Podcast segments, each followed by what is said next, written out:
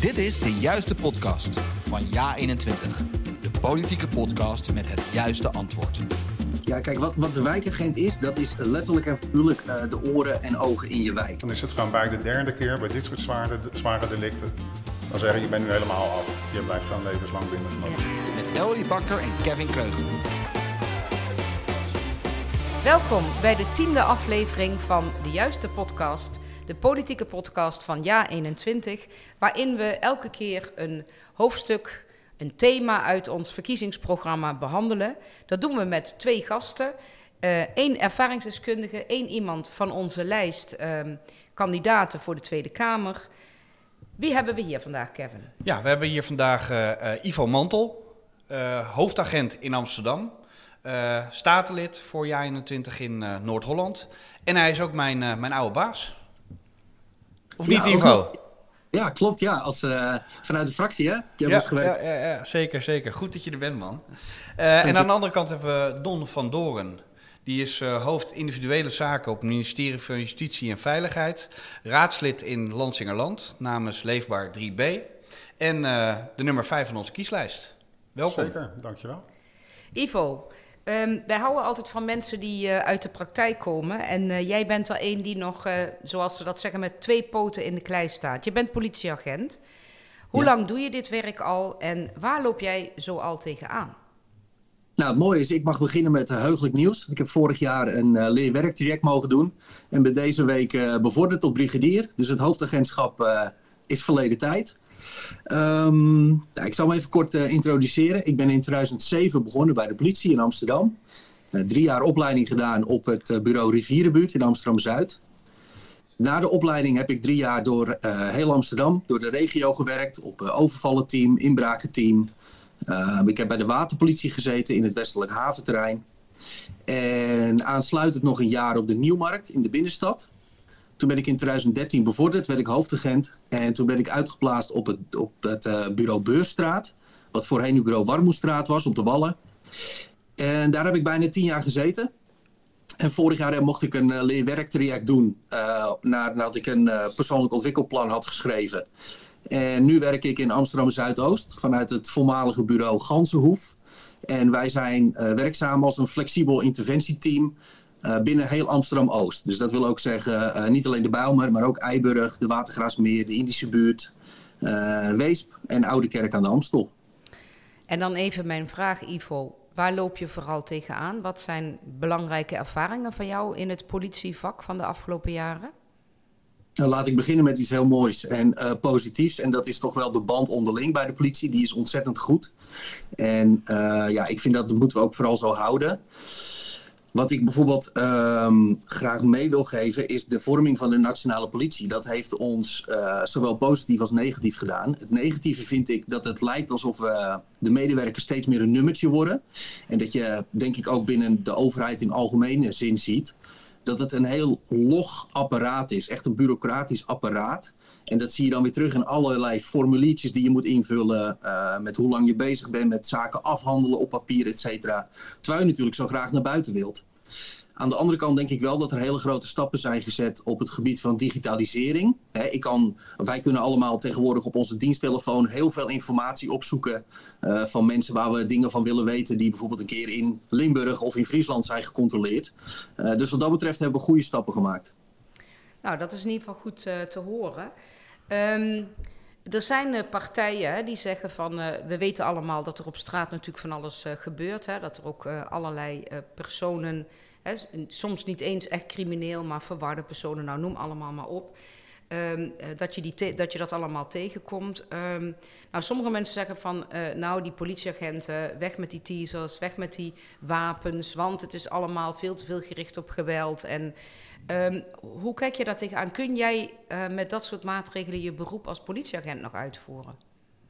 Ja, dat is een goede vraag. Nou, laat ik even beginnen met het stroomstootwapen. Uh, stroomstootwapen hè, in de volksmond ook wel de, de TESE genoemd.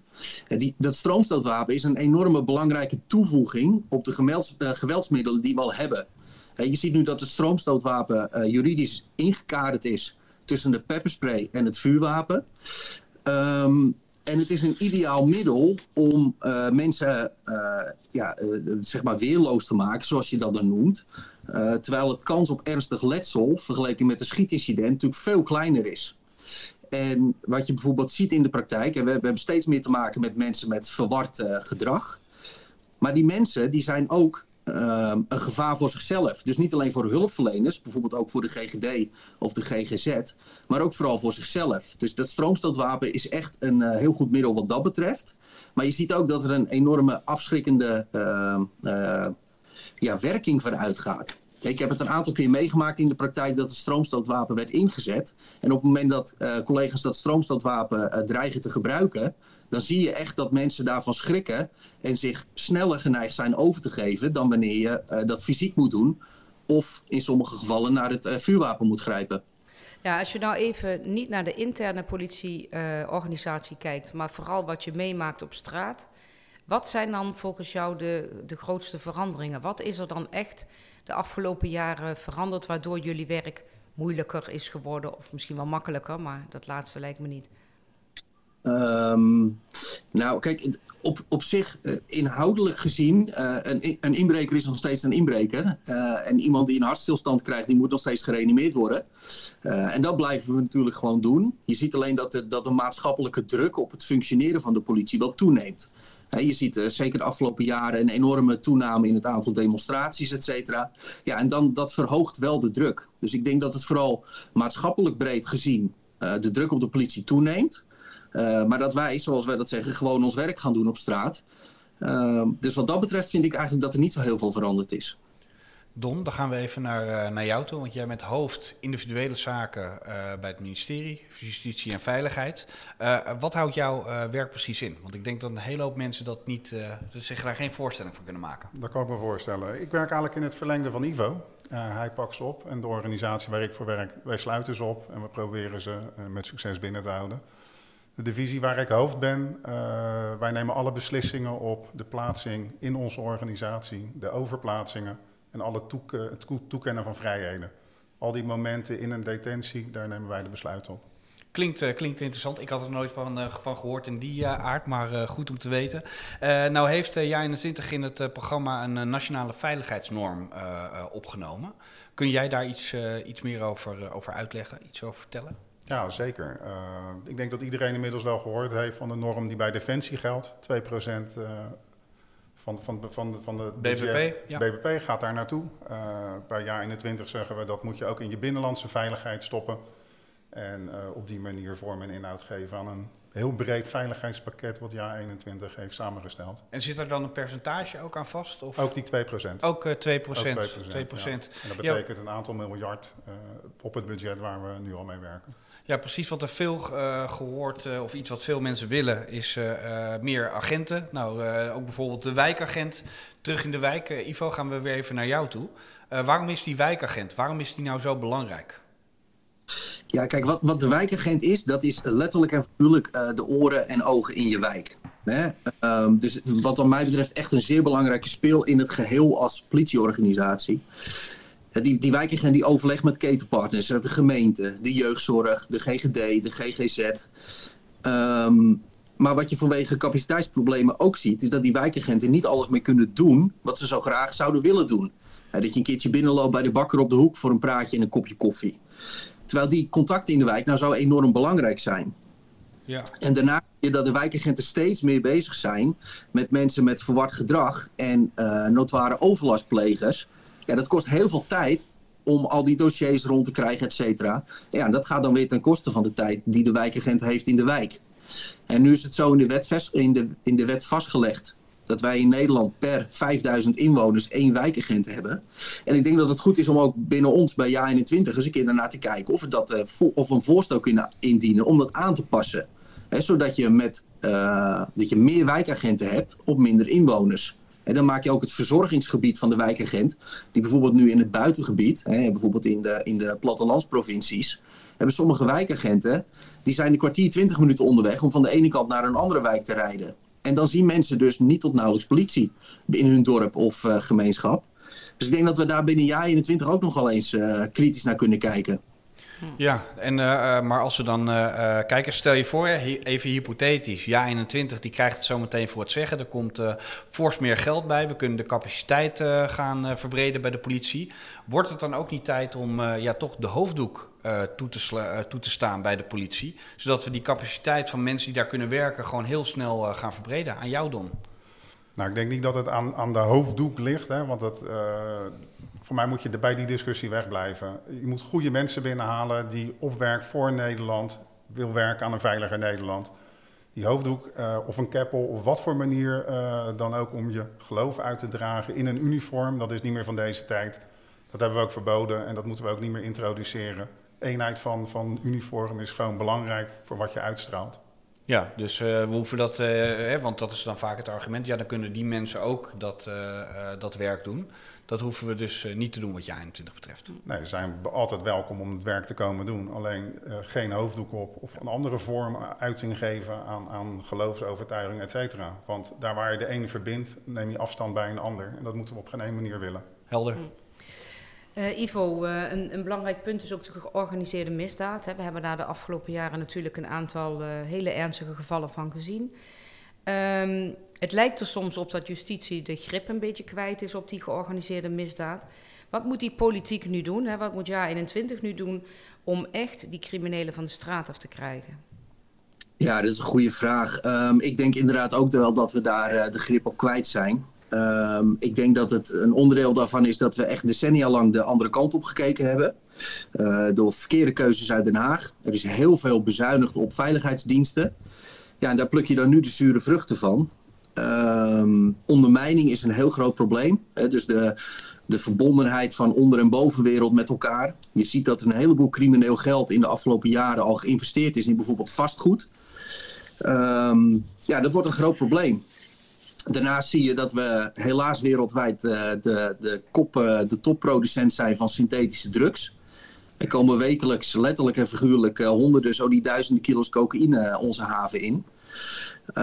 Maar niet getreurd. We hebben gelukkig de afgelopen jaren ook ontzettend grote slagen gemaakt om de zware criminaliteit aan te pakken. Er worden ook wel flinke straffen voor uitgedeeld. Volgens mij was van de week nog een uitspraak van de rechter. Het ging ook over de invoer van cocaïne. En die hoofdverdachte heeft acht jaar celstraf gekregen. Uh, ja, dat is mooi. Dat is mooi werk van de collega's ook. En wat je denk ik echt op, op brede schaal moet doen, is binnen al die veiligheidsinstanties fors investeren. Je moet je goed realiseren, uh, veiligheid kost geld. En nogmaals, we hebben vaak de verkeerde keuzes gemaakt. En ik denk dat het vooral uh, aan onze partij is ook om te laten zien wat we voor staan. En dat wij wel de juiste keuzes willen maken door echt weer fors te gaan investeren in je veiligheidsbestel. Ja, het begint met geld natuurlijk aan de voorkant. Uh, je moet mensen hebben om uh, ook de onderzoeken te kunnen doen en mensen op te pakken. Maar dan kijk ik jou weer aan, Don. Uh, dan zijn ze opgepakt. Hoe zorgen we ervoor dat ook aan de achterkant het systeem beter gaat werken? Dan ga ik zeker. Ik wil nog één ding toevoegen. Ja? Die, die, wijkagent is ook in die ondermijningsaanpak echt wezenlijk. Zien wat er in een wijk gebeurt, korte lijnen naar de inwoners toe, om te signaleren en, en door te geven, zodat we ook kunnen activeren. Dat is echt een hele belangrijke investering die we moeten doen. Daarbij ook op technologie. Hè. We zitten heel erg op de mens uh, uh, nu waar we willen intensiveren. Die grote criminele samenwerkingsverbanden die hebben budgetten. Dat, dat, dat, dat heb je, kan je je bijna niet voorstellen over hoeveel middelen die beschikken. En dus ook de technologie die ze kunnen inkopen. Daar moeten wij als samenleving echt een antwoord op gaan geven. Vandaar dat die investering echt ook in die zin heel in brede zin belangrijk is. Mm -hmm. Oppakken en dan zitten ze binnen. Uh, dat doen we goed. We hebben uh, best wel vaak uh, de collega's van Ivo die communicatie onderschept. We, we rollen ze op, ze komen naar binnen toe. Maar er is ook een andere groep en die zitten regulier lang binnen. We hebben ook een, een, groep, en dan kijk ik naar, gewoon naar de straffen. 41 er is onderzoek naar gedaan, niet zo heel lang geleden, was nog voor corona. 41% van alle uh, uh, uitspraken leidt tot de veroordeling van een gevangenisstraf. En daar is 66% zijn kortgestraften. Nou, als je gaat kijken naar het doel van een straf, hè, vergelding, dat kan iedereen bedenken. Uh, het onmogelijk maken dat je nieuwe delicten pleegt, kan ook iedereen bedenken. Uh, en de generieke uh, preventie, zeg maar de afschrikking van een gevangenisstraf. Ja, dat betekent dat je, hoe langer de straffen worden, dat daar meer een afschrikwekkende werking van uitgaan. Dus dat is gewoon belangrijk om die doelen, dat we daar op intensiveren. En in jaar 21 wil echt langer straffen. Als je binnen, is, binnen bent, dan is straf ook echt straf. Uh, we willen het aantal taakstraffen beperken, dus meer naar die gevangenisstraf toe. Want de vierde doel, strafdoel, uh, die we hebben, dat is zeg maar de reïntegratie. En heel veel discussies gaan over, we moeten met die gedetineerden iets doen. En als je dan ziet dat bij die kortgestraften zoveel recidiveert binnen twee jaar, dan kan je zeggen, die korte straffen hebben haast geen nut. En daar, daar kan je het mee eens zijn. Vandaar dat wij zeggen, intensiveer ook op die straffen, ga stapelen, straf langer en pak ze dan ook echt aan. Ja, want ja, 21 wil volgens mij ook echt uh, naar minimumstraffen toe. En uh, ook uh, three strikes all. Hè? Als je drie keer gestraft bent, dan wordt er ook even een paaltje gezet. Of leg dat even uit, wat dat betekent. Ja, dat komt op een aantal delicten komt gewoon een minimumstraf te staan. Dus in plaats van dat je een afweging hebt van waar, waar kom ik uit, begin je echt al met een minimum. En dat, dat stapel je op.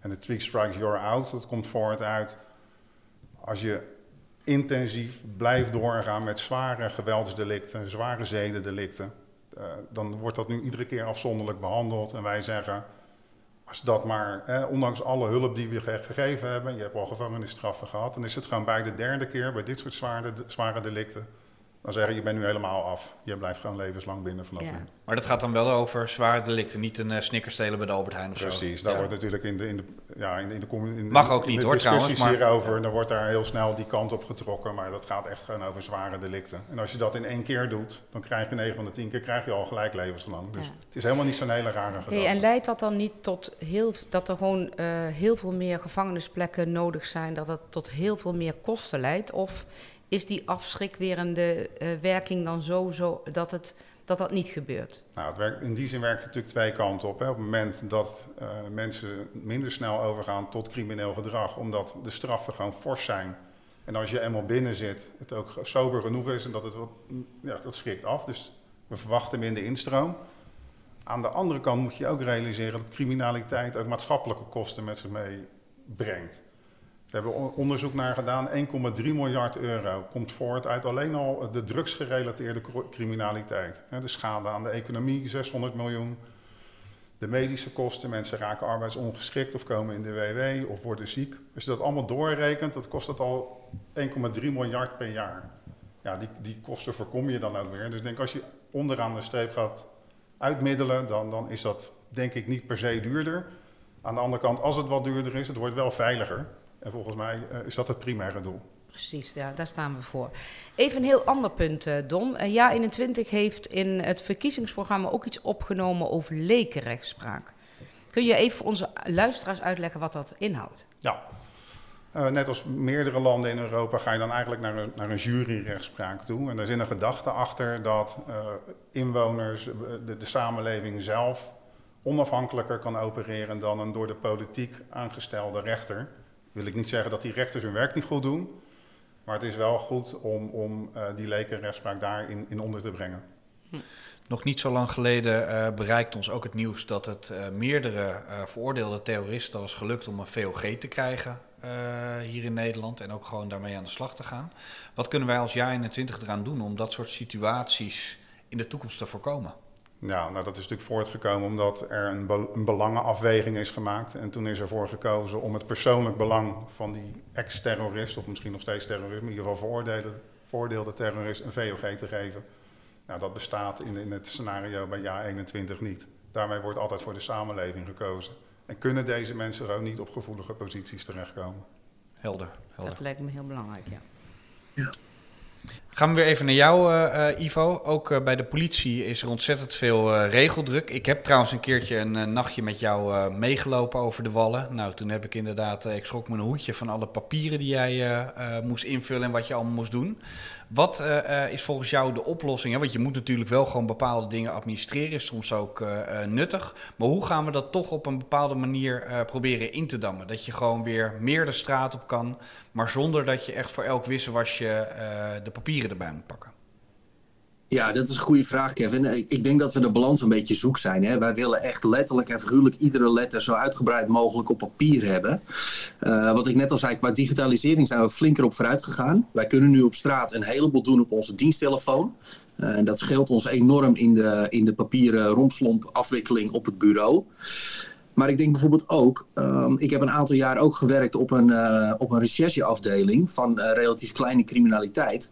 Maar daar worden dus ook alle agenten, hoofdagenten en ook brigadiers gebruikt om dossiers af te handelen. Hè? En op het moment dat jij uh, administratief medewerkers dat laat doen, wat gewoon mag, want het, een dossier vormen heeft niets uh, te maken met het opmaken van een proces verbaal. Dat is echt aan, aan de politieagent zelf. Maar bijvoorbeeld dossierafhandeling kun je natuurlijk veel makkelijker wegzetten bij een administratief medewerker. En dan kunnen wij, zoals wij dat noemen, het blauw, gewoon weer de straat op. Dus ik denk dat we daar een hele grote slag kunnen slaan. Dat, is, uh, dat lijkt me een goed idee, uh, Ivo. Ik ga jou in ieder geval vast heel erg bedanken voor het feit dat je hier bij ons aanwezig was. Want we zitten alweer bijna aan het einde van de aflevering. En dat houdt dus in dat we naar het laatste onderdeel gaan. Dat is een, uh, een vragenvuurtje met jou, Don, als kandidaat voor onze Kamerlijst. Het is een, ja, een simpel concept. Ik geef jou iedere keer twee opties. Jij kiest er één van de twee. Om een voorbeeld te noemen, de VVD of ja 21, dan is het juiste antwoord. Ja 21. Ja 21, helemaal goed. Uh, probeer de vaart erin te houden. Uh, als je het echt niet weet, geef je, geef je een pas. Maar je mag er maar eentje gebruiken. Dus dat is belangrijk. Uh, de stad of het dorp? Dorp. De stad of de regio? S regio. Zuid-Holland of Nederland? Zuid-Holland. De overheid of de markt? Markt. Privacy of veiligheid? Veiligheid. Politicus of ambtenaar? Politicus. Politicus of bestuurder? Bestuurder. Oppositie of coalitie? Coalitie. VVD of CDA? VVD. VVD of BBB? VVD. BBB of Nieuw Sociaal Contract? BBB. Nieuw Sociaal Contract of de PVV? Nieuw Sociaal Contract. De PVV of de VVD? VVD. De, VV, uh, de PVV of CDA? PVV. Gemeenteraadslid of Tweede Kamerlid? Tweede Kamerlid. Leefbaar 3B of Ja 21? Ja 21. Allemaal goed. Dankjewel. Nou, dit is een onderwerp waar we volgens mij ook nog heel uh, lang over door kunnen praten. En dat zal in de toekomst zeker ook nog veel uh, gebeuren. Maar zoals gezegd, de tijd zit erop. Uh, op. Volgende week, net voor de verkiezingen, komen we terug met onze laatste aflevering. En dan praten we over energie en klimaat. En vooral ook over Jong 21. Tot dan.